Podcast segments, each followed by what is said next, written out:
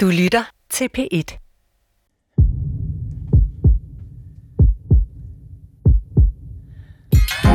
Um, smag lige på det. Det er fredag formiddag, og du har måske forkælet dig selv med en omgang smask lækker røræg, overstrøget med sydesalt fra Læsø eller rosa krystaller fra de himalajiske saltminer. Bacon skal der selvfølgelig også til. Eller i den lidt mere ekstreme ende har du øh, måske været til piratfest torsdag og prøver nu at behandle dine tømmermænd og få skruet saltbalance med store mængder chips. Nogle gange så fatter man jo ikke, at det overhovedet er muligt for mennesket at have overlevet i 200.000 år, når man tænker på, hvor snævre intervaller kroppens funktioner opererer med. Tænk bare på væskebalancen. Du mærker formentlig ikke mere til fredag formiddag saltorgie en sådan lidt øget tørst i løbet af eftermiddagen, og måske vågner du op med hævede øjne dagen efter. Men altså, for lige præcis salt er balancen mellem for meget og for lidt hårfin. Saltniveauet i blodet er hypersnævert reguleret. Babyer kan eksempelvis blive livsfarligt forgiftet af bare en tiskefuld salt, og der er relativt få grams forskel mellem at ligge i den lave, anbefalede ende for dagligt saltindtag, og så ramme øverste barriere for de højeste doser. Nu håber jeg ikke, du får røræggen galt, galt i halsen, men vi sender altså et helt program om salt skadelig virkning. Så hermed en øh, rød advarsel om akut dårlig samvittighed over dit saltforbrug. Eller hvad? Måske er det nemlig slet ikke dig, som er det store problem i vores alt for store saltforbrug. 80% af det daglige saltindtag kommer nemlig fra mad, som du køber og spiser ude. Så salt er også i høj grad politisk bestemt. Mit navn er Maja Thiele. Velkommen til en saltfattig syg nok.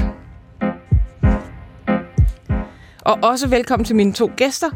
Ulla Toft, professor øh, for sundhedsfremme på Frederiksberg Hospital og Københavns Universitet. Og Bøje Jensen, professor, forskningsleder for kardiovaskulær og renal forskning på øh, Syddansk øh, Institut, øh, Universitet undskyld, ved Institut for Molekylær Medicin. Øhm, Ulla, øh, hvor meget salt spiser den almindelige dansker? Jamen altså, vi plejer at sige mellem 9 og 10 øh, gram. Øh, 9 ud af 10 danskere spiser faktisk for meget salt. Vi, efter anbefalingerne skulle vi spise mellem 5 og 6 gram, og vi har egentlig kun et fysiologisk behov på 1,5 gram. Okay, så, så det er altså øh, godt dobbelt op på, mm. på anbefalet dosis. Det er det. Og, og, og boy, øh, nu, nu slynger vi os om os med, med salt, som om det var øh, saltkrystaller på, på en omgang røræg. Men, men hvad er salt egentlig? Ja, det vi normalt kalder salt, øh, hedder jo også natriumklorid. Og, og natrium er, et, er jo et, i virkeligheden et metal, og noget, der er rigtig meget af i jorden. Øh, og det findes i salthorste, kalder man det, og, og kan udvindes derfra. Men samtidig er natrium jo en, en, øh, en ion, som indgår i, i alle levende organismer, og alle pattedyr har stort set den samme mængde af, øh, af natrium, og så det vi kalder en anion, nemlig klorid, i, øh, i deres kropsvæsker og i deres organer. Så det er noget, der er bevaret gennem dyreriget og har udviklet sig parallelt med livet, har udviklet sig faktisk. Ja, så, så vi, vi kan godt uh, lægge fast, altså når vi siger salt resten af programmet, så mener vi egentlig altså det klassiske borsalt, ja, øh, natriumklorid, men, men særligt med fokus på, på natrium, øh, som, altså fordi salte kan jo, er jo egentlig bare en forbindelse mellem ja, et metal og, og, og en anden ion. Ja, salte kan man jo bruge om, altså det er noget, der dannes, når syre reagerer med metaller, og, og det bruger man jo om en, man kan også bruge et andet ord, som, om, som er elektrolytter eller elektrisk lavede partikler, men i fysiologi, der, der er natrium og klorid, øh, det vi normalt bare kalder salt, men, men vi har jo også kalium, som er en anden vigtig elektrolyt, der øh, spiller en meget vigtig rolle i kroppens øh, forskellige funktioner. Så og, og jeg kan måske supplere med, at jeg, jeg, jeg måtte jo også finde min, øh, min øh, kemi- og fysiologibog frem inden det her program, og, og kunne, øh, kunne også se billeder af natrium som metal. Men altså, hvis, hvis natrium var et menneske, så ville man sige, at det var et menneske, der var virkelig løs på tråden, ikke? fordi det vil meget, meget gerne indgå i forbindelser med andre. Så det er sjældent, man kan lige, man finder ikke lige en klump natrium.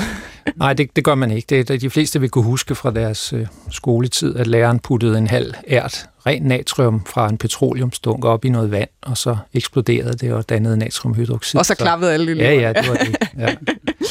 og, og, og når vi så er ved noget af det der lidt abstrakte og kemiske forbindelser og sådan noget, så må man også bare sige, jamen, øh, øh, Ulla, nu nævnte du at, at, at vi ligger på sådan 9-10 gram øh, salt, og man skal helst, øh, altså i hvert fald ned på halvdelen. Mm. Øh, men det er jo sådan lidt abstrakt, hvor meget er et gram salt. Så, mm. så for ligesom, altså jeg tænkte, vi skulle prøve at lave en madpakke herinde i studiet. øh, så øh, Victoria, vores producer, har været ude og finde, altså her er nogle chips, ikke? Mm. Og, og her er en rigtig god øko chorizo, gifler, rugbrød. Mm. Prøv lige at tage, hvad, hvor, hvor, altså, hvor meget er meget salt? For eksempel det der rugbrød, du står mm. med, ja, Ulla. Ja. Det, er ikke, det er det ikke så galt. Der er 1,2 gram salt per, per 100 gram. Altså det, som jeg som vil råde forbrugerne til, fordi I har valgt et, et rugbrød, som faktisk er rigtig fint, og det, det er det, fordi at der foran på pakken er et nøglehulsmærke og et fuldkornsmærke.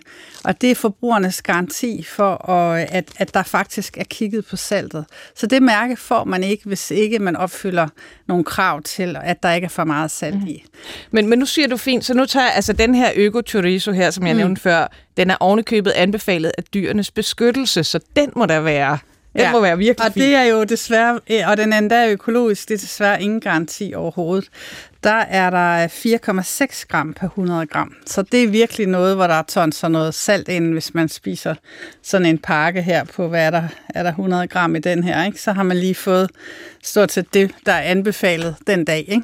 Så hvis man, altså, hvis man virkelig har øh, øh, froderen på over hmm. for kød, så er det især det der forarbejdet ja, kød. især det, det forarbejdet. Ja. Man kan sige lige så snart, man har en ren vare, altså noget, som industrien ikke har været inde og pille ved andet, end at de har lavet øh, skåret ud til en flæskesteg, eller hvad det nu skal være, jamen så har vi slet ikke det niveau af salt, som lige så snart industrien har været inde og forarbejde det, kalder man det, øh, jamen så, så er der puttet rigtig meget salt i, i hvert fald den her type pølse.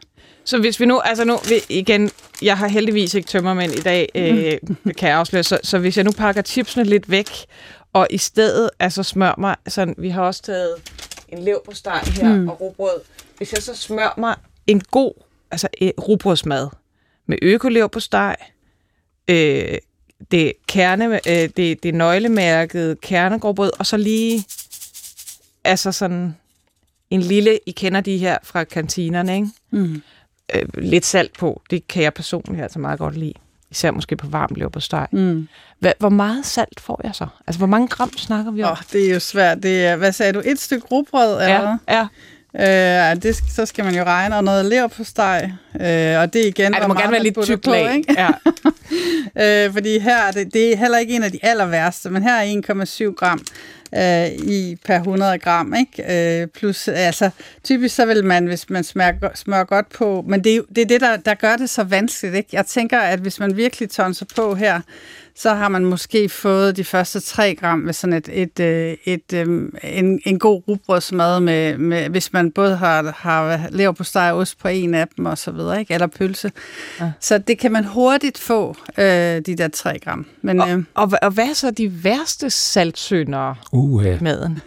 Hvis du nu også tog lidt græsk salat til med oliven, og især med feta, så, så er du, og så måske lidt soja, fordi vi kan jo godt lide asiatisk mad også, og, og øh, og det smager skønt, øh, men, men der skal man huske, at, at, at soja er, er, det er simpelthen en mættet saltopløsning omtrent, mm. som er rigtig godt til at give smag til mad, men, mm. men hvor man får virkelig meget. Men feta er nok noget af det, hvor man virkelig får den største koncentrerede saltmængde. Det er lige før havvand, ikke? Ja, Så. men øh, ost, ost er jo, altså i det hele taget, her har vi sådan en god Port Salut. Mm. Øh, den vakse øh, lytter kan måske gætte, hvilken øh, dagligvarerbutik øh, Victoria har været i. Øh, men der kan jeg altså se her, det er altså 1,9 gram salt per 100 gram, så der ligger vi altså også mm. ret højt, og det er bare sådan en helt almindelig blød ost. Ja, ja. Øh, så ost er der også overraskende meget. Altså man kan sige, der, der hvor man, vores største kilde til salt er faktisk brød. Men det er ikke fordi, at brød indeholder per 100 gram så meget salt, men det er fordi, vi spiser meget af det, eller mange af os spiser meget brød. Så derfor, når man sådan kigger, hvordan det rangerer, så er brød faktisk en af de store saltsønder. Men ellers er det rigtig meget færdigretter, som, øh, eller fast food, der får vi rigtig meget. Øh, og så ost og, øh, og pølse, altså pølse, så det er nogle meget gode, øh, hvad hedder det... Øh, øh eksempler, I har, har valgt her. Man kan sige, at chips kommer ikke ind på en af de der sådan, men det er, fordi vi ikke spiser så meget chips. Så, så hvis vi nu spiser det til morgenmad eller til frokost, så... så øh, Som hele UK jo gør generelt. De ja, chips ja. er jo frokostmad, altså basis ja, det det. næringsstof. Det gør ja. man jo til Så er det, så er det en anden sag. Ikke? Men, ja. men hvis vi tager brød som eksempel, altså hvorfor, hvorfor kommer der så meget salt i brød? Jamen, men salt er jo, det har jo igen at gøre noget med fysiologien, fordi vi oplever øh, moderate mængder salt som, øh, som øh, behagelig. Altså, det smager godt.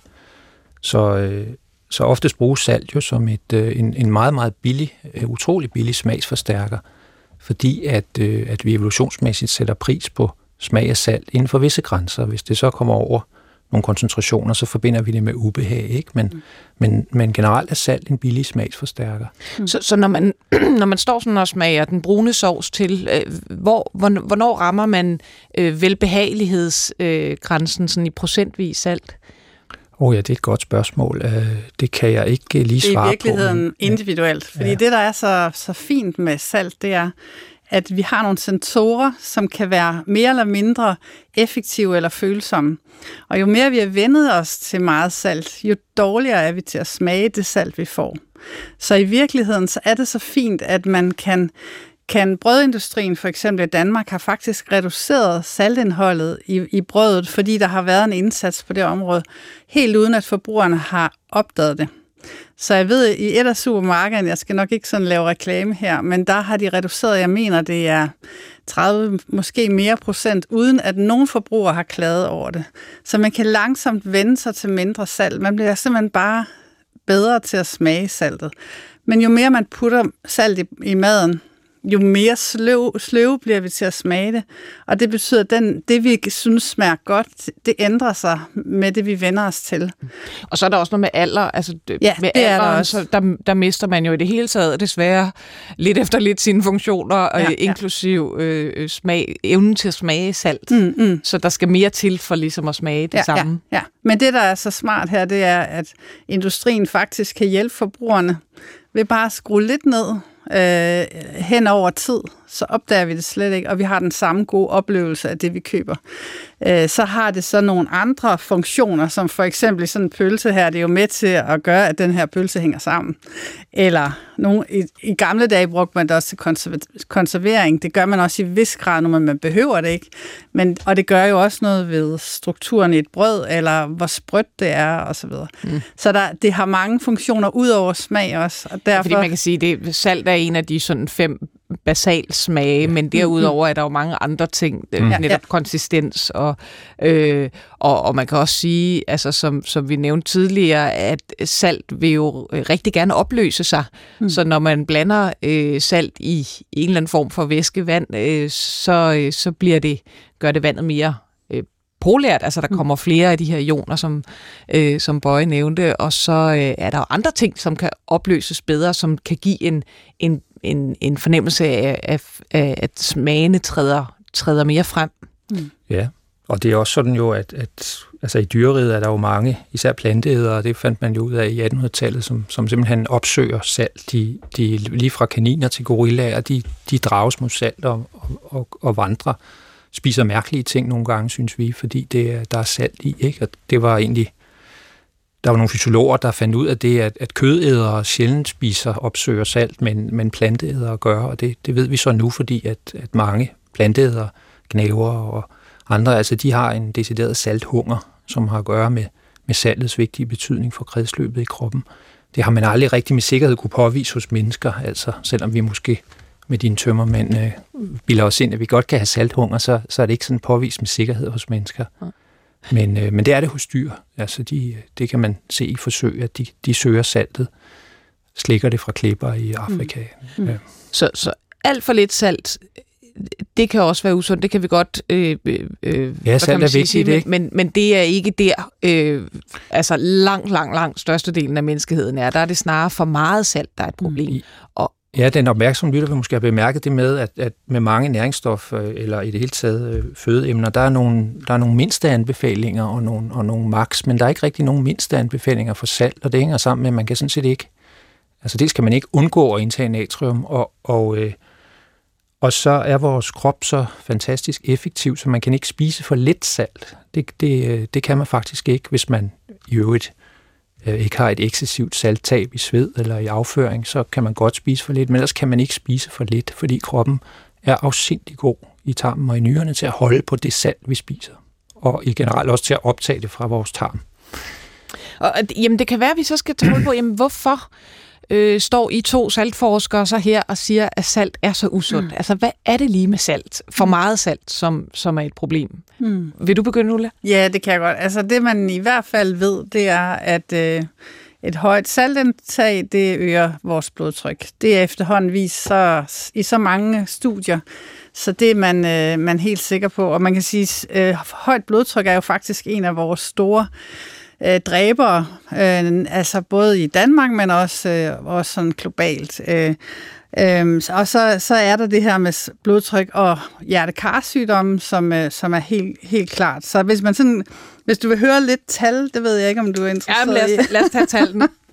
så har jeg bare lige fundet øh, lidt tal her, og der kan man sige, at øh, det er sådan, at øh, WHO, eller øh, nogle af de der store sådan, øh, global burden of disease, er sådan nogen, der rigtig, altså måler rigtig meget på, hvad, hvad er det egentlig, der betyder noget for vores øh, sundhed og så videre. De siger, at, øh, at højt saltindtag er faktisk årsag til 3 millioner årlige dødsfald globalt, øh, hvilket gør, at det her faktisk er den kostmæssige, altså, altså en, den, den kostfaktor, der har, er den største risikofaktor sådan globalt, men også nationalt. Og det er den, den der forårsager flest dødsfald på verdensplan. Og WHO har udpeget øh, øh, salt, vores, altså hvis vi kunne gøre noget og mindske vores saltindtag, så ville det være det mest kosteffektive. Altså det er det, vi får mest sundhed for pengene simpelthen. Altså det er i virkeligheden, det du siger der, det er relativt let at, at, at fjerne øh, salt fra maden, mm. og det vil medføre øh, et fald i blodtrykket, mm. hvilket igen vil medføre et fald i især hjertekarsygdom, ja, altså ja. blodpropper i ja. hjernen, blodpropper i hjertet. Mm. Og så siger man cirka, hvis vi reducerer 2 gram øh, salt i vores sådan daglige indtag, øh, jamen så vil vi reducere vores risiko for hjertekarsygdom med 20 procent, sådan groft sagt. Mm. Jeg, jeg fandt et andet studie, som, som er fra 2014 i, i, i det blad, der hedder New England Journal of Medicine, hvor man også, det er jo sådan en lignende studie som det, du mm. fortæller, hvor man i virkeligheden prøver at ekstrapolere sig frem til, hvor meget vil det betyde, for der er jo selvfølgelig ikke nogen, der har undersøgt, mm-hmm. øh, hvad gør vi, hvis vi lige fjerner øh, to gram salt fra, fra befolkningens øh, øh, mad, øh, sådan øh, fra den ene dag til den anden. Øh, men, men de der modelstudier der, der, der skriver de altså i, i, i det her fra 2014, er altså 1 ud af 10 af alle øh, dødsfald på grund af, af hjertekarsygdom øh, kunne blive forebygget, mm, øh, mm, hvis mm. man reducerede saltindtaget. Så det er jo, altså det er jo ret store øh, tal, vi snakker her. Mm. Og alligevel øh, bliver jeg også nødt til at sige, at der er jo noget polemik øh, om, omkring øh, salt, og, og hvad kan man sige, hvor skadeligt er det egentlig? Måske især fordi, når man så måler på det, så viser det sig, jamen, som du nævner, Ulla, langt de fleste ligger faktisk over anbefalingen. Mm. Mm. Øh, kan I prøve at rise op, hvad er det for en, en, øh, en videnskabelig polemik, der, øh, der er? Jeg ved ikke, Borg, om du vil begynde? Jo, altså, jeg vil også, jeg vil helst heller ikke være fortæller for, at, at på den måde, at salt er usundt, som du indledte med, fordi at, at, at salt er livreddende, altså øh, saltvandsinfusioner, da man blev klar over det, øh, især efter Første Verdenskrig, og, og, og så virkelig accelereret under anden, jamen altså, salt er lige med volumen i vores krop, og dermed med kredsløb, så, så salt er, er afsindelig vigtigt. Øh, så når vi snakker om det usundt nu, så er det mm. befolkningens indtag over lang tid, ikke? Men, men, men salt skal øh, salt indgivet til en, en chokeret patient øh, redder jo liv, så mm. på den måde er salt ikke usundt, men nødvendigt. Men, men hvorfor er så for meget salt i for lang tid usundt? Ja, man kan sige, på, på den ene side af vores krop nok gennem evolutionen jo vendet til, det kan man diskutere, øh, et ganske lavt saltindtag, altså natriumkloridindtag over tid. Øh, men har man raske nyrer, øh, hævder kritikerne, jamen, så er det ikke noget problem, og det har de også ret i, for så vidt som man kan bare udskille det overskud af salt. Ikke? Ja. ja, man taber salt i sveden, og hvis man kaster op eller har diarré, som man ikke har normalt jo, men øh, øh, og, så, og så udskiller nyrerne overskuddet, når man har raske nyrer. Og det har de ret i. Så, så når vi taler om det er usundt, så er det nok det, at man får 20, 30, 40 gange mere end kroppens behov i, i, øh, i årtier. Det, det kan medføre øh, øget, øh, dels øget blodtryk, ja, men det, ny forskning tyder også på, at det faktisk fremmer inflammation, altså betændelse generelt i kroppen. Altså at salten i virkeligheden Yes, har en direkte påvirkning Ja, på, på betændelsesfremmende, karrene. ikke? Og, og det fremmer også øh, visse cancertyper i, i mavetarmkanalen. Og noget af det nyeste banebrydende forskning viser, at det påvirker også vores mikrobiom i, øh, i øh, tarmen, altså hvor meget salt du, du spiser. Det påvirker bakteriesammensætningen i kolon, som så også har afledte sundhedseffekter. Mm. Øhm, så, og salt giver øvrigt også afkalkning af knoglerne og sådan noget. Så der er en række øhm, negative effekter af meget højt saltindtag på kroppen over lang tid. Men på den anden side er salt absolut nødvendigt for vores kredsløb, så når der dør, WHO ikke anslår, der dør mm. flere hundrede tusind små børn i udviklingslande af simple diarréer. Hvorfor dør de af det? Ikke af infektion, det gør de, fordi de mangler salt og vand i deres kredsløb. Så jeg vil gerne fortælle for, at salt, salt er sundt og nødvendigt, men det er ikke nødvendigt at spise 20 gange mere, end man har behov for i, øh, i et 40 år øh, langt forløb. Det, det har nok visse effekter. Man kan måske i virkeligheden kalde det, nu kaldte jeg det for en øh, seriedater tidligere, mm. Mm. vi kan måske give det nu yderligere en label som et, et tvækket svær. Øh, Ja, altså det, det, det, det kan man godt, fordi øh, fysiologi har både den ene, altså fysiologi er balancen mellem det, der kommer ind og det, der kommer ud, og hvis øh, nyrerne fungerer fint, jamen så går det godt i rigtig mange år. Men hvis man er dialysepatient og ikke har nyrer, så kan man ikke bare spise det, vi lige har talt om, fordi så tager man et kilo på om dagen i vand og salt. Ikke?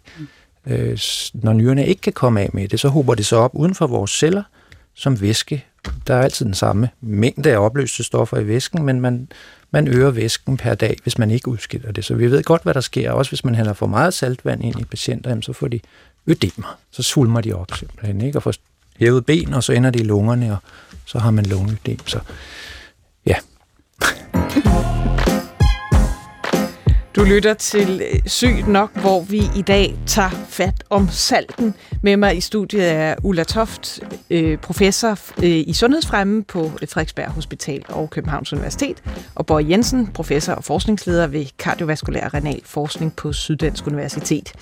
Og, øh, og, og altså, øh, Borg, du har jo forklaret det så fint. Salt er jo vanvittigt interessant, fordi det er... Øh, noget, vi er dybt afhængige af. Hvis ikke vi har salt, så øh, lever vi ikke længe. Og på den anden side, får man for meget, jamen, så kan det være lige så farligt.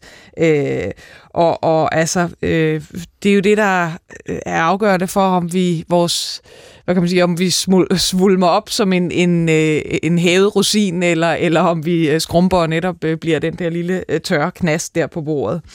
Øhm, måske skulle vi, skulle vi starte med sådan lidt øh, regulationen af salt, fordi jeg nævnte indledningsvis, at saltbalancen er øh, hypersnævert reguleret.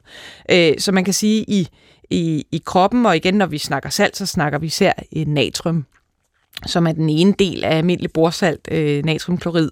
Øh, og der ligger vi stort set øh, hele livet øh, mellem 137 og 145 millimol per liter øh, når man tager en blodprøve og, og, og tager salten. Og inde i cellerne, der ligger vi jo øh, øh, væsentligt lavere. Mm. Og, og, og prøv lige at forklare, hvorfor er det det? Altså, hvorfor er der den der fintunede balance mellem salten uden for cellerne og salten inden for cellerne? Ja, altså hvorfor spørgsmål er altid svære i fysiologi, fordi hvilken gud man så end tror på, så er det ikke lige til at sige, hvordan det er skabt på den måde, men det, det er, man mener jo nok, at det afspejler den, den første celle, der opstod, øh, muligvis i, øh, i et vandigt miljø og på land, som så, som så i sig, hvad det så end var for en organiseret livsform, havde en høj kaliumkoncentration og en lav natriumkoncentration. Og så blev den muligvis oversvømmet af urhavet på et tidspunkt, som havde en anden jonsammensætning, nemlig en høj natriumkoncentration. Ikke? Og så, så mener man, at saltvand. at er simpelthen ja. saltvand, ikke? og så, så lå den der med høj kalium og lav natrium, men svømmede i en væske med høj natrium, og natrium vil jo gerne, eller generelt vil stoffer gerne bevæge sig i retning fra højere mod lavere koncentration. Så, så man mener, at de her celler så udviklede mekanismer til at, at regulere deres indhold af, af ioner. Og, øh, og det, det kunne man i allerede i 1800-tallet havde man godt styr på det, det med, at ionerne i organer i kroppen, den, den sammensætning af, af, af, af ioner var faktisk ens, mm. øh, og under forskellige betingelser, så det måtte være reguleret, men ingen vidste rigtigt, hvordan. Øhm, og der var vores egen Argus Krog faktisk øh, i noget af det sidste, han lavede i 1945, der, der forklarede han også, at der måtte være en mulig mekanisme for, at der, der, der pumpede kalium jonen ind i cellerne og natrium ud af cellerne. Ikke? Så cellerne er simpelthen hele tiden i gang med at fjerne ja. natrium for i virkeligheden for at overleve.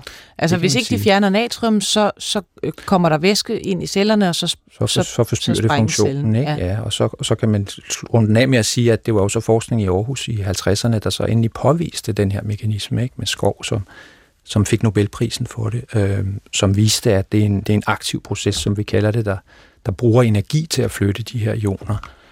Øhm, øh, og det, det, det er jo mekanismer i alle, i alle levende dyr, der har den her, øh, den her mekanisme. Og, og, og det er jo også det, der forklarer sig, hvorfor det kan være så farligt både at have for højt natrium og for lav natrium. For det er jo, altså, øh, det kan jo være dødeligt øh, og, ja. og, og ligge både for højt og for lavt. Øh, men, men hvis vi går tilbage til, til salts uheldige virkninger, øh, hvordan, hvorfor er det så, at for meget salt giver for højt blodtryk? Jeg ved ikke, Ulla, om du vil... Øh, det tror jeg, Bøje er bedre til at forklare.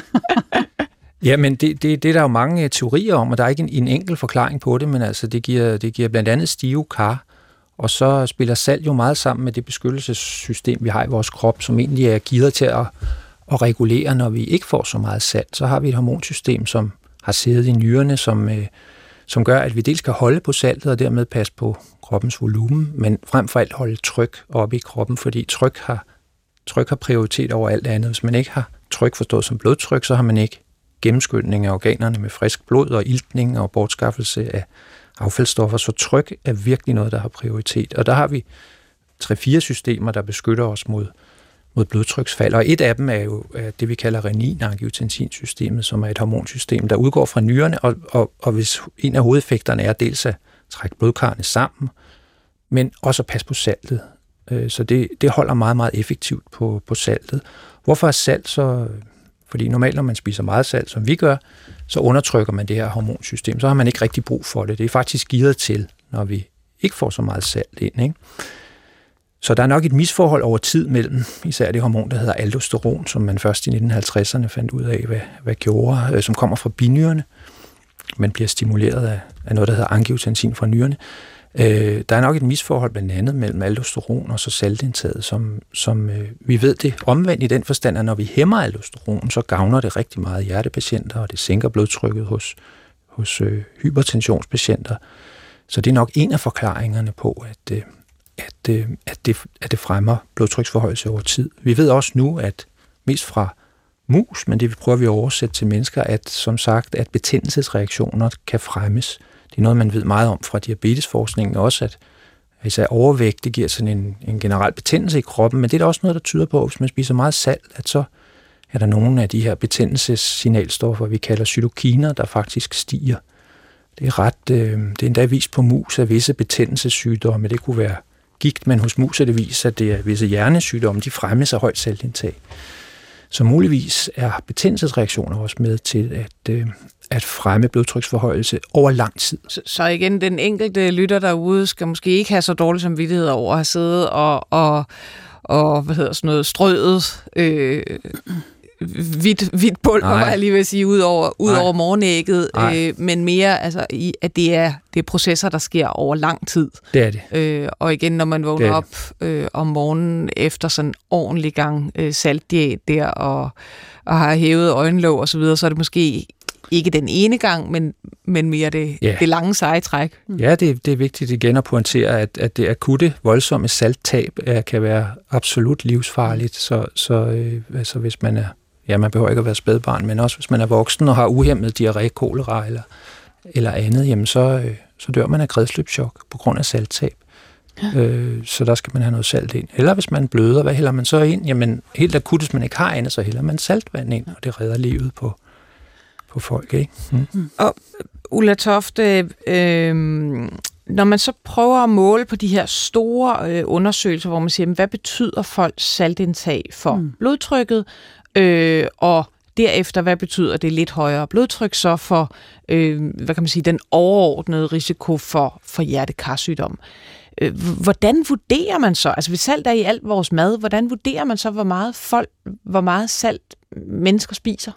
Mm. Altså, hvordan kan man måle det? Altså, den bedste måde at måle salt, det er i virkeligheden, at man samler urin i, i 24 timer gange tre helst. Øh, så, så den, den måde, fordi vi udskiller stort set alt det salt, vi indtager, det udskiller vi gennem urinen. Så, så hvor så andre man, kostforsøg i virkeligheden øh, vejer, hvor meget kost man spiser og ja, anfører ja, ja, ja. hvad, så, så når, når I laver saltmålinger, øh, så er I meget mere interesseret i, hvor, hvor meget man så tisser ud igen. Ja, ja. Så, så der har vi sådan ret godt styr på, hvor meget salt man, øh, man har, har spist.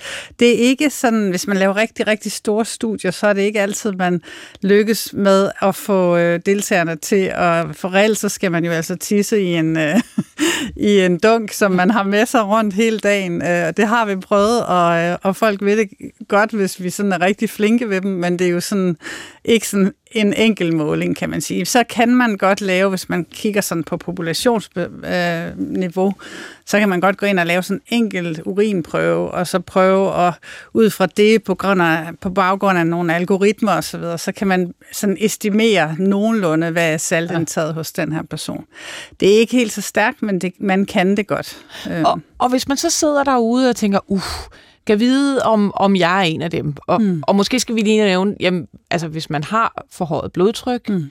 øh, hvis man har, som Bøje nævnte tidligere, øh, nyresygdom, øh, jeg er jo øh, leverlæser inden for mit felt, så øh, skal øh, folk med skrumpelever også passe gevaldigt på deres saltindtag. Så, men bortset for de der sygdomsgrupper, øh, som helt rask normal person, mm. når man sidder og er bange for det med, med saltindtaget, øh, hvor, hvor, hvor meget betyder det? Altså, øh, hvad kan man give af indikationer på, at det her kunne, kunne betyde noget for den enkelte at, at, at skrue ned for saltindtaget? Mm. Altså man kan sige, at det, det er jo altid sådan, at hvis vi, det er igen, hvis man har et forhøjet blodtryk, så vil man have meget større gavn af at sænke sit saltindtag, end hvis man har et almindeligt eller et normalt øh, blodtryk. Men der er også lavet nogle ret interessante, hvad kan man sige, øh, øh, virkelighedsforsøg, mm, mm, hvor man mm. på i et helt land har ja, reduceret ja, ja. saltindtaget ja. som gennemsnit. Hvad, hvad ja, viser de? Og der kan man sige, at sådan nogle som, som Finland, altså de har jo lykkes rigtig godt. Øh, de, men de havde også en indsats over fra, jeg har lige skrevet ned her, fra 1972 til 2002, så så de faktisk et fald fra, de havde et meget højt indtag på 14 gram, og de reducerede helt ned til 8 gram øh, salt per dag, øh, og de reducerede øh, deres, øh, hvad hedder det, øh, måske lige se, de har reduceret deres, øh, deres øh, hvad hedder det, hjertekarsygdom ret meget. Jeg, jeg kan ikke lige sådan, jeg tror, de siger 40 procent her. Øh, men i hvert fald øh, i England har man også reduceret saltindtaget på 15 procent, og der har man også set fald både i hjertekarsygdom og i, øh, i blodtryk. Øh, og det er sådan på en... Øh, ja, det, det er svært lige at give nogle tal, men det er omkring 20 procent, man reducerer sit øh, altså hjertekarsygdom i, i befolkningen. Ikke? Så, så når sådan et helt land altså øh, virkelig øh, ja, strammer ja, ja. bæltet og, øh, og, og, og i fællesskab vil sige, øh, får, får i gennemsnitsbefolkningen øh, ja, sænket ja. saltindtaget, så kan man det. altså se, at, at det så har det en meget stor effekt, fordi det, det, altså det, der er så, så godt ved det her, når man laver noget på en hel befolkning, det er, at små ændringer i en hel befolkning giver en kæmpe effekt på det, vi kalder sådan, den der sådan, øh, økonomien i det samlede, ikke? Eller sådan, så, så vi ser et ja. kæmpe fald på befolkningsniveau, men for den enkelte er det ikke sikkert, at det har sådan en kæmpe effekt. Men, men altså nu, øh, jeg vil bare lige tillade mig her og lige mm, tage sådan en gang chips her, og når jeg så spiser den, så får jeg altså rimelig meget salt, men jeg får mm. godt nok også temmelig meget øhm, af det usunde øh, fedt. Mm. Og, øhm, og der er også noget stivelse med. Så, og vi har, vi har tidligere snakket om, om færdige retter, ikke? Mm. Øh, vi har snakket om kød. Altså, der, er der ikke en sammenhæng mellem, at når man spiser det meget saltholdige mad, så får man også alt muligt andet, som i øvrigt giver øh, risiko for, for hjertekarsygdom øh, med i maden. Mm det hænger tit sammen, ikke? Så øh, man har også tit det her med, at salt, fedt og, og sukker sammen, det er sådan en cocktail, som hjernen rigtig godt kan lide, øh, så vi, vi drages lidt mod den, de der, den der kombination, ikke? Øh, så det er rigtigt, at når man sådan kigger på mål og sådan samlet kost, så er salt en af tingene i en samlet kost, kan man sige, at øh, det betyder noget, og så er der en masse andre ting, der i kombination betyder endnu mere. Ikke? Øhm, men når man så gerne vil undersøge sådan den specifikke effekt af salt, så går man ind og laver nogle lidt mere sådan kontrollerede designs, hvor man har, hvor man kun regulerer på saltindtaget, så det ikke er alle mulige andre faktorer, som betyder noget. Og det kan man gøre sådan i lidt mere kontrollerede øh, studier. Du lytter til øh, Sygt Nok, og øh, vi har snakket øh, ikke øh, flid, øh, fedt og snyd, men salt, sukker og, og fedt. Og øh, mit navn er Maja Thiele, og jeg øh, har besøgt studiet her af Ulla Toft, professor i sundhedsfremme på Frederiksberg Hospital og Københavns Universitet, og Bøje Jensen, professor og forskningsleder inden for kardiovaskulær og renal forskning på Syddansk Universitet. Øhm, og altså, vi, vi har øh, ligesom etableret, at hvis man i hvert fald på befolkningsniveau får reduceret den mængde salt, der er i maden, så er det en relativt lavt hængende frugt for os at gennemsnitligt i hvert fald øh, reducere blodtrykket, og derefter gennemsnitligt reducere øh, hjertekarsygdom. Men, men nu sidder der måske nogen derhjemme og har fået røræggen galt i halsen, mm. og, og tænker, jamen jeg skulle aldrig have puttet det der luksusflagesalt øh, på min røræg, eller have kogt min pasta med helt lige så meget øh, kogesalt, som jeg gjorde. Øh, skal, skal vedkommende have, have dårlig samvittighed? Bøj, der står og griner. Nej, nej, det er igen det. Det er jo en vigtig pointe, at, øh, at det er fint, at individet er bevidst om det, og, det, og rådet kan vel mest være det, at jo mere man undgår forarbejdet mad, øh, jo, jo lettere gør man det for sig selv med hensyn til salt. Og, øh, øh, og så behøver man ikke tænke så meget på, om man, om man selv putter lidt salt ovenpå, ovenpå sin mad. Så altså, hvis man, jo, hvis man holder sig til de ikke så forarbejdede fødevarer, det er frugt og det er grønt, øh, jamen så får man meget, meget lidt salt automatisk. Og problemet er jo, som vi har været inde på, at jo mere forarbejdet og færdiglavet det er, jo mere er det tilsat en billig smagsforstærker, som man så får med i købet. Og, øh, og der er bare det ved, når vi snakker befolkninger, at, at hvis man som, som kritikerne siger, at, at vi alle sammen kan spise alt det salt, vi vil, fordi sunde nyere udskiller det, så har de for så vidt ret. Men så har vi bare i befolkningerne et sted mellem 10 og 20 procent, som er det, vi kalder saltfølsomme. Og det er altså hele det afrikanske kontinent. Det skal man lige tage med i købet. Øh, de har nogle genpolymofier og andet, det, det er man ved at få indblik i, som gør, at, øh, at man er mere saltfølsom. Det vil sige, at blodtrykket er mere følsom for det salt, man spiser. Så, så man har i virkeligheden nogle sunde nyrer, men ja. man reagerer alligevel man, med en, man holder en, en Ja, det, det gør man over tid. Øh, altså jeg plejer altid at bruge Barry White og Tina Turner i undervisningen, fordi det er to dygtige sorte kunstnere, som har oplevet den samme sygehistorie, som jeg kun har fra pressen, men altså begge massiv ubehandlet hypertension i lang tid.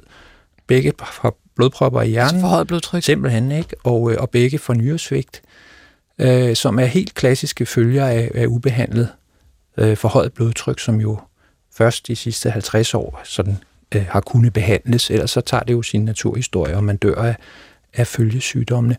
Øh, og, og, og man skal passe på den del af befolkningen, der er selvfølsom, og det gør man ved at reducere moderat saltindtaget på befolkningsniveau. Øh, og, øh, og koster det så noget i den anden ende for dem, der måske ikke tåler at få reduceret salt, fordi det hævder kritikerne også dem, der er det jo farligt for nogen, og ja, det er det nok, hvis man har svær, hvis man er 83 og har svært nedsat hjerte. Pumpefunktioner har det, der hedder hjerteinsufficiens, og man får en masse medicin og vanddrivende medicin, som i virkeligheden er saltdrivende, så har man nok ikke gavn af. Så kan det måske decideret være skadeligt at sænke sit saltindtag dramatisk. Ikke? Men, øh, men når vi tager det ud over befolkningen, så vil der nok være et sted mellem 10 og 20 procent, som har særlig saltfølsom øh, blodtryk, som vil have rigtig, rigtig meget gavn af over tid mm. at få lidt mindre salt, end de får nu. Men man siger vel også, at hele befolkningen, de, altså der er de få, altså dem, som, som har, har sygdomme, som gør, at man skal passe på, men at generelt, hvis vi ser på en hel befolkning, så er det hele, bef- altså størstedelen af befolkningen vil have gavn af det på et eller andet niveau. De har bare ikke helt så meget gavn af det, som dem, der, der, øh, der ligger ligesom i den, den øverste, øh, øverste del af befolkningen. Men, øh, men alle har vel et eller andet sted, øh, eller største del af befolkningen vil have gavn af det. Ja. Og, og det andet er, at, at rigtig meget af det, altså vi har slet ikke behov for så meget, som der, som der li, li, ligger i vores mad, som der er i dag. Så det er jo ikke sådan skade skadeligt på den måde, at industrien begynder at putte lidt mindre i, og vel at mærke lidt mindre hen over tid. Fordi det er også nøglen, det er det der med, at man ikke skal sænke saltindtaget eller saltindholdet i vores fødevarer sådan markant fra dag til dag. Det skal være sådan en gradvis reduktion hen over tid. For det første opdager vi det ikke. For det andet, så er det ikke sundhedsskadeligt på samme måde, fordi kroppen adapterer på en eller anden måde til det. Altså, nu har vi nævnt en lille smule de der lidt mere specielle øh, sygdomsgrupper. Øh, Bøje, du, du nævnte øh, de patienter, som har hjertesvigt. Øh, men øh, jeg arbejder jo til daglig som, som leverlæge, så jeg ser en, en masse øh, mennesker med skrumpelever. Mm. Og, og de har jo virkelig gavn af at reducere saltindtaget. Det er noget mærkeligt noget, fordi når man tager og måler en blodprøve, så har langt de fleste af dem faktisk en lav koncentration af, af salt i, i blodet, mm. eller af natrium. Øh, men, men, øh, men samlet set, så har de faktisk et, i total mængde for meget. De, de holder bare på både salt og vand, sådan at de, at de ligesom fortynder deres, øh, deres, deres saltkoncentration i blodet. Og, og, og, og altså, vi sender jo de her stakkels mennesker til, til diætist, og de får besked om, at de må ikke koge øh, ris og kartofler og pasta med salt, og de skal undgå netop øh, chips og, og peanuts, og de skal undgå færdigretter, og lad nu være med at spise tomat og ost, og øh, put ikke soja på alle de ting, vi har nævnt. Og alligevel er det jo vildt svært. Mm. Altså, fordi der er så meget øh, skjult salt i maden. Uh, men netop, man skal være enormt opmærksom. Uh, vi har her noget, noget, nogle boller, der er købt ned hos en bager. Der står jo ikke på, hvor meget salt der er i.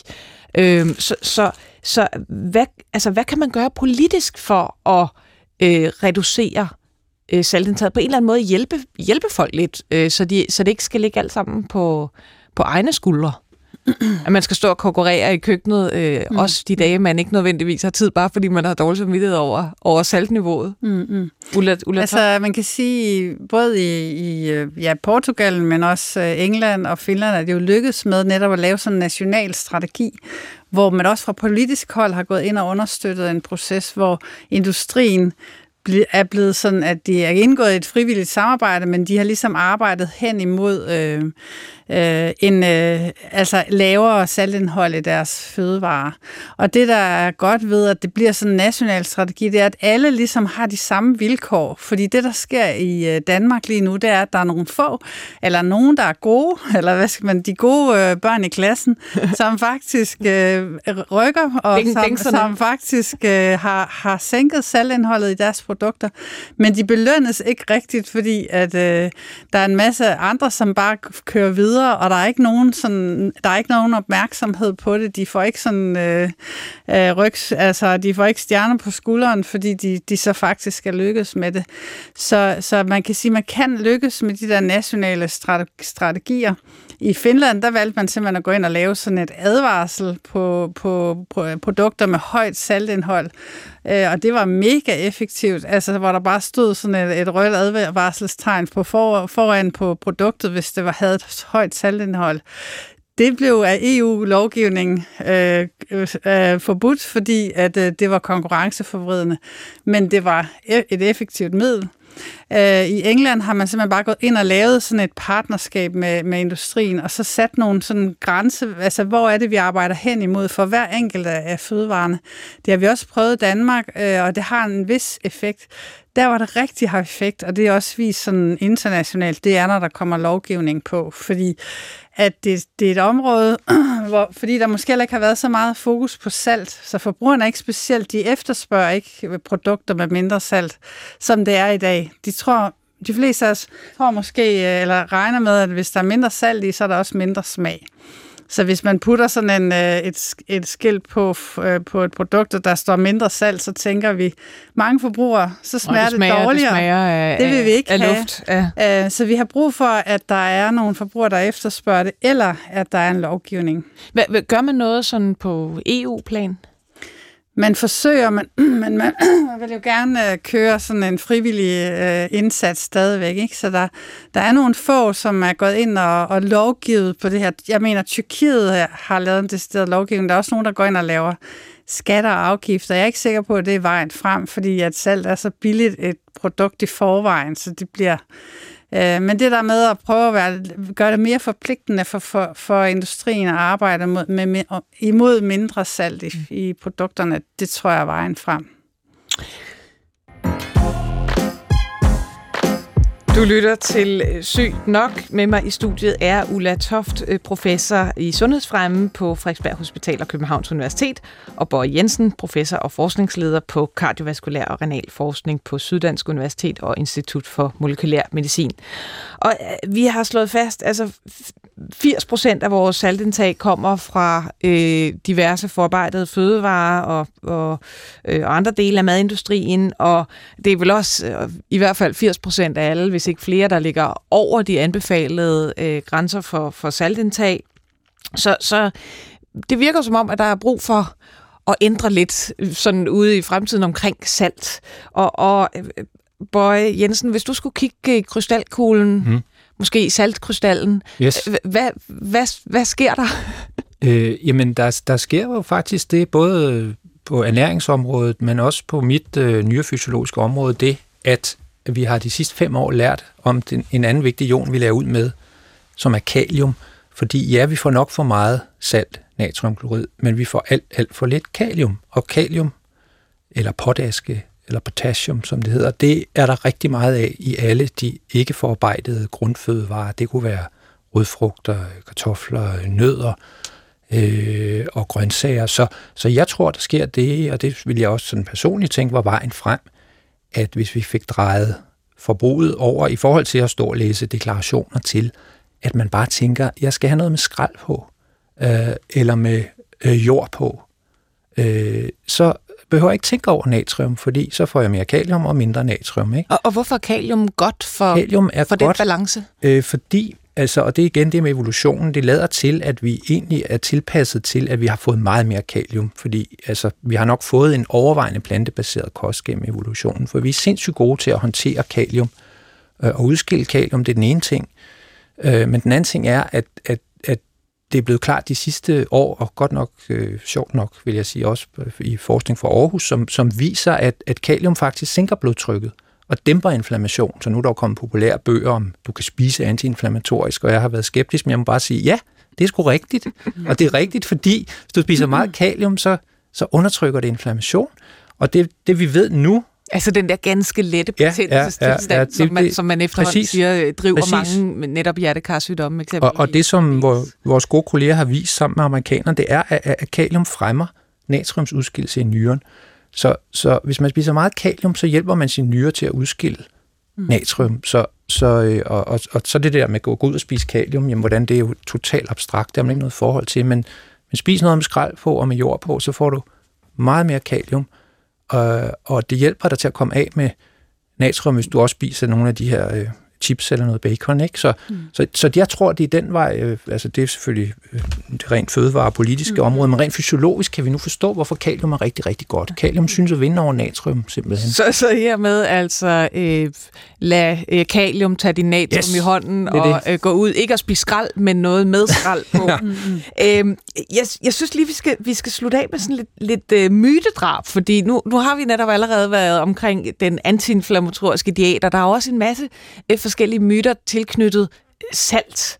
Øhm, jamen, og, og en ting er vel, øh, altså, øh, og det er måske i virkeligheden til dig, øh, Ulla øh, Toft, kan man få for lidt salt? Altså det er, jeg vil sige, det er stort set øh, umuligt i Danmark. Sådan, hvad, fordi der er jo naturligt natrium i vores de almindelige fødevarer, så selvom man går over til 100% uforarbejdet øh, kost, øh, så tror jeg ikke, medmindre man har hjertesvigt og så videre, så tror jeg ikke, man kan få for lidt salt. Mm. Vi er jo nede på et, øh, et, sådan et minimumsindtag på 1,5 gram, og vi spiser omkring de 10 gram.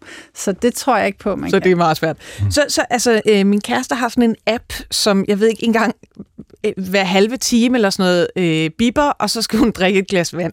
så den næste myte der, kan man altså drikke for meget vand, og dermed skylle sine øh, livsvigtige salte ud. Man er sund og rask, så, så kan man ikke. Og faktisk er der helt nye data, der tyder på, at vi nok drikker lidt for lidt vand, fordi at, at øh, vores krop er jo sindssygt god til at passe på vandet, har et hormon, der hedder vasopressin, der gør det, og, og ny forskning har vist, at, at det her vasopressinhormon, det stimulerer udover, at det får nyrerne til at holde på vand, pas på vandet, så, øh, så stimulerer det også vores stressakse. Så der, der er lige nu forsøg i gang i Malmø, som, øh, fordi når man hele tiden går rundt og har en lidt stimuleret stressakse, så giver det faktisk øh, metabolisk sygdom, det vil sige type 2-diabetes og sådan noget. Så i Malmø har de et kæmpe befolkningsstudie, der går på, kan vi forhindre og ligefrem behandle type 2-diabetes med to glas vand ekstra om dagen. Så, så vi har lært noget om, hvordan vores krops øh, evne til at holde på vandet via det her vasopressinhormon, måske over tid, effekten er nemlig det samme, hvis man får for meget salt, over tid øh, giver øh, kortisolstigning, som er vores stresshormon, og som det kan, det kan udløse øh, type 2 over tid. Så, så ja, drik noget ekstra vand. Og man kan ikke drikke for meget Og man vand. kan ikke drikke for meget. og, og herved altså øh, en opfordring til tag lige to glas ekstra, og så får man jo også den der lille pause øh, ude på toilettet, som også kan være afstressende Det kan mig. øhm, okay, så er der pomfritter til tømmermænd. Helt klassiker. Altså, øh, hjælper det? Øh, go for it. Det tror jeg bestemt, det gør, og øh, det, det, det kan i hvert fald ikke skade. Det, Jeg var også, øh, øh, altså øh, igen, arbejder med leversygdom, og, og vi ser jo altså desværre relativt mange med alkoholrelateret leversygdom, og der er et, et helt særligt begreb, der hedder ølpotomani, og det er jo sådan en lidt mere speciel øh, øh, total ubalance i, i, i saltbalancen, hvor man altså øh, ølpotomani betyder simpelthen, at man drikker ekstreme mængder øl. Øh, og, øh, og øl indeholder ikke noget øh, synderligt salt, så man udvander ligesom sin, sin normale, naturlige saltbalance og får en, en, en meget svær øh, hyponatremi, hedder det, altså for lavt salt i blodet, og det kan man jo få kramper af, og det kan være livsfarligt, og, og hos dem, der man ikke lige er ølpotomaner, så ser man det nogle gange øh, øh, blandt øh, jamen, halv- og helmaratonløbere, mm øh, eller andre, som, som dyrker idræt over længere tid, og, og som tror, at det i virkeligheden er bedst bare at drikke postevand undervejs. Og, og det er det bestemt ikke. Det kan jo være livsfarligt. Du, du havde et eksempel, Bøje. Jamen, det er kolleger, der jo har, har publiceret det i, i, i lokale husskrift for læger, at, at man kan godt, hvis man laver en meget svær fysisk anstrengelse, spinningmaraton eller andet, så kan man tabe så meget salt, at, øh, at man netop kan få for lidt salt i blodet. Og hvad sker der så? Jamen, så, så trænger vand ind i alle vores celler, og man får opsvulming af hjernen, og kan faktisk dø, øh, hvis ikke man lynhurtigt får noget ekstra salt ind. Så derfor er det vigtigt at sige, at salt er, salt er bestemt øh, godt og sundt, i, øh, og, og det kan gå helt galt akut. Ikke? Ja. Et andet eksempel er diarré, hvis man har hvis man har salttab, der ikke bliver erstattet den vej. Så, øh, Så et godt husråd, hvis man ligger der og kaster op, og, og Ja. det ryger ud den anden vej også, det er jo at tage sådan en øh, halvanden liters flaske, øh, fylde den med øh, vand, lige blande en lille smule saft i, så det bliver sådan lidt tynd sukkerblanding, ja. Og så lige et knips øh, øh, hussalt, så har, man, øh, så har man det samme. Jeg kan også huske som ung læge at få en, en kvindelig maratonløber ind, der nemlig havde løbet et helt, et helt maraton, øh, og udelukkende drukket postevand, ikke puttet øh, jamen, en lille smule salt sukkerblanding i, eller, eller sådan en elektrolytblanding, som man kan få i mange sportsbutikker. ej, det var, øh, det var faktisk i 1800-tallet, der opstod der den der tro på, at salt var, var virkelig godt, fordi man fandt ud af, at fyrbøder og kulminearbejdere, de havde den der, hvor de svedte ekstremt meget og drak vand, og så, blev de, øh, så faldt de om med kramper. Øh, men så fandt man ud af, at hvis de spiste noget salt, så skete det ikke. Så der var sådan en, virkelig en tro på, at, at salt var godt. Ja, og jeg og det var sige, det altså også den her unge maratonløber var, var simpelthen lige ved at dø øh, ja. af saltmangel, øh, øh, fordi at, at hun altså ikke havde fået, fået øh, indtaget salt undervejs i maratonløbet. Øh, lad os lige tage en til. Øh, jodberiget salt. Der, der, øh, i, I forberedelsen til det her program, der stødte jeg på ret mange, som var sådan lidt imod det. Altså, at det var, det var noget dårligt. Hvad, hvad, hvad siger I til jodberiget salt? Sådan lidt, Mm. lidt gammeldags. Altså, at det var dårligt, at der puttede jod i. Ja, at nu skulle man have det der jodfrie salt. Det var ekstra ja. Lækkert. Det tænker jeg bestemt ikke. Altså, grunden til, at der er sat, tilsat øh, jod i vores, øh, vores salt, det er jo, fordi vi i Danmark mangler det. Det er tilsat i rigtig mange andre lande, hvor man netop, eller øh, og fordi vi så har risiko for tyrdea øh, øh, sygdom og så videre. Så det er tilsat, fordi man kan se, at vi får for lidt, øh, især i områder. Nogle områder er det værre end andre i Danmark, ikke? Men det er bestemt meget fornuftigt, at, øh, at vi har jod i vores salt. Så den beholder vi. Så, så går vi lidt mere øh, ud i de moderne øh, smagsnuancer. Himalaya-salt, Læsø-salt, øh, havsalt. Der er så mange forskellige typer. Er der, øh, er der øh, nogen forskel sådan sundhedsmæssigt på, øh, på de der forskellige smagstyper? Nej. I står begge to helt overbevist og ryster på. Hvad, hvad, så- hvad så med smagen? Er der noget om det? Nej, det, det er der ikke. Det er Jeg der tror, ikke. Det er det er lækker indpakning, Ja. at man har været på ferie på Læsø måske og Ja. købt sig en lille pose. Det, det er rigtig fint. Ikke? Mm. Men øh, Men, øh, men så, så slutter vi altså øh, dagens syg nok med en lille øh, lækker pose øh, læsøsalt, som man dog øh, strøger på sit øh, røræg med måde. Øh, tusind tak til mine to gæster. Ulla Toft, øh, professor for sundhedsfremme på Frederiksberg Hospital og Københavns Universitet, og Bøje Jensen, øh, professor og forskningsleder øh, i kardiovaskulær og renal forskning på Syddansk Universitet og ved Institut for Molekylær Medicin. Mit navn er Maja Thiele, og altså ærligt talt, jeg kan faktisk godt øh, lide øh, et lille drøs salt på den varme lever på stegmad, øh, men jeg skal nok holde igen øh, fremover. Øh, det samme kan vi måske sige om øh, programmets producer, Victoria Tovino og Frederik Bjerre. I kan finde os på podcast på DR Lyd, og så er vi også på e-mail på sygnoksnablag.dr.dk. På genhør næste gang.